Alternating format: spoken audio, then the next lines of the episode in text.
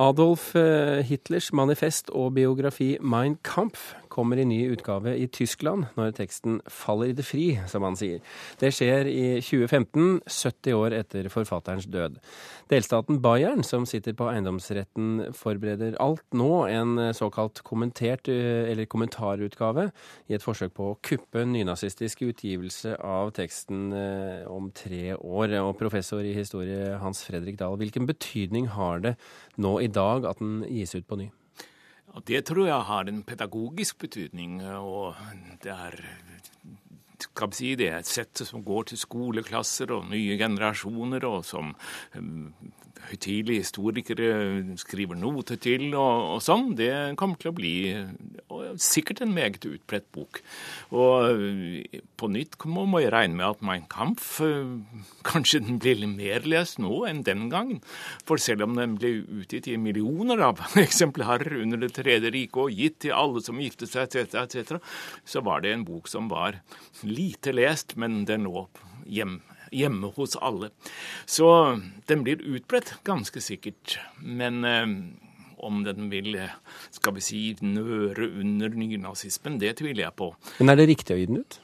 Ja, det syns jeg virkelig. Burde den vært gitt ut før, rett og slett? Ja, da, det syns jeg. Det, Nesten alle som ikke er tyskere, mener det, at, og det er meningsløst at den har vært holdt så lenge. Men man kan jo forstå at Tyskland, akkurat Tyskland har et, skal vi si, et spesielt problem med denne boka og denne forfatteren, så la meg ikke si noe stygt om det. Men eh, på det internasjonale markedet og for, for de som interesserer seg for nazismen, er dette naturligvis en bok som ikke bare er meget berømt og sentral, men selvfølgelig som fins. Heldigvis, den fins i mange, mange utgaver og, og, er å få så å si over hele verden, om ikke annet så i, i piratutgaver. Eh, dette skal altså gis ut som en uh, kommentert utgave, altså en akademisk vinkling. Eh, gjør det boken annerledes? Ja, helt sikkert. Fordi når man leser sidene sånn som det er, så kan, blir man ganske stuss, kommer man stuss da over hva er det forfatteren vil. Her er jo lange passasjer som er i verden, de er jo knapt leselige. Handler om første verdenskrig. Hva galt gjorde Tyskland i sin propaganda under første verdenskrig? Det tenker da forfatteren over ti år etterpå, og det er klart at det har, har en moderat interesse for moderne lesere. Derimot, når han kommer inn på sin egen kamp da, og oppbygging av sitt eget parti, og fremfor alt altså hva han tenker snakker om demokrati, hvor negativ Adolf Hitler er til det at vi skal ha begrunnede meninger om å stemme, og om politiske partier og om samfunnsspørsmål. Når vi leser det, så reiser jo virkelig håren seg på vårt hode, og vi skjønner at dette er en usedvanlig bok. Den er antidemokratisk virkelig tvers igjennom, og den fortjener selvfølgelig sine fotnoter i den anledning. Vi eh, har jo en rettssak gående nå eh, der et skrift er eh, en dominerende del av det. Altså Anders Behring Breiviks kompendium, som det nå kalles. Ser du noen likheter mellom de to? Ja, likheten er at for det første er det jo uhorvelig langt, begge to, så de færreste kommer gjennom det hele. For det annet er det lange passasjer som er ja, klipp og lim og nokså nok nok så moderat interesse, vil jeg si.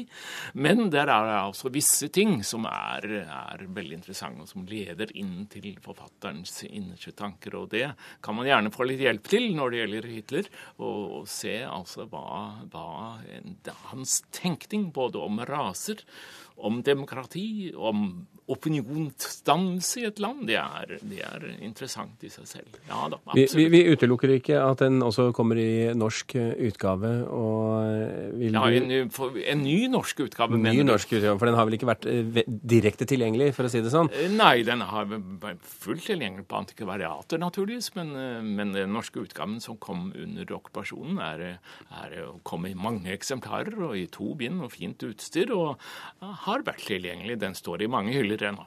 Men bør den leses av eh, la oss si f.eks. unge mennesker i Norge når den eventuelt kommer i ny eh, språkdrakt og ja, ny utgave? Syns jeg ubetinget.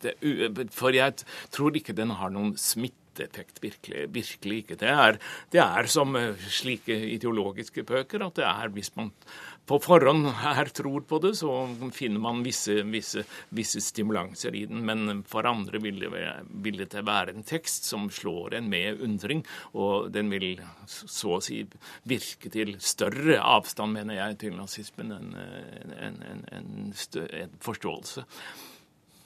Hans Fredrik Dahl, tusen hjertelig takk for at du kom til Kulturnytt.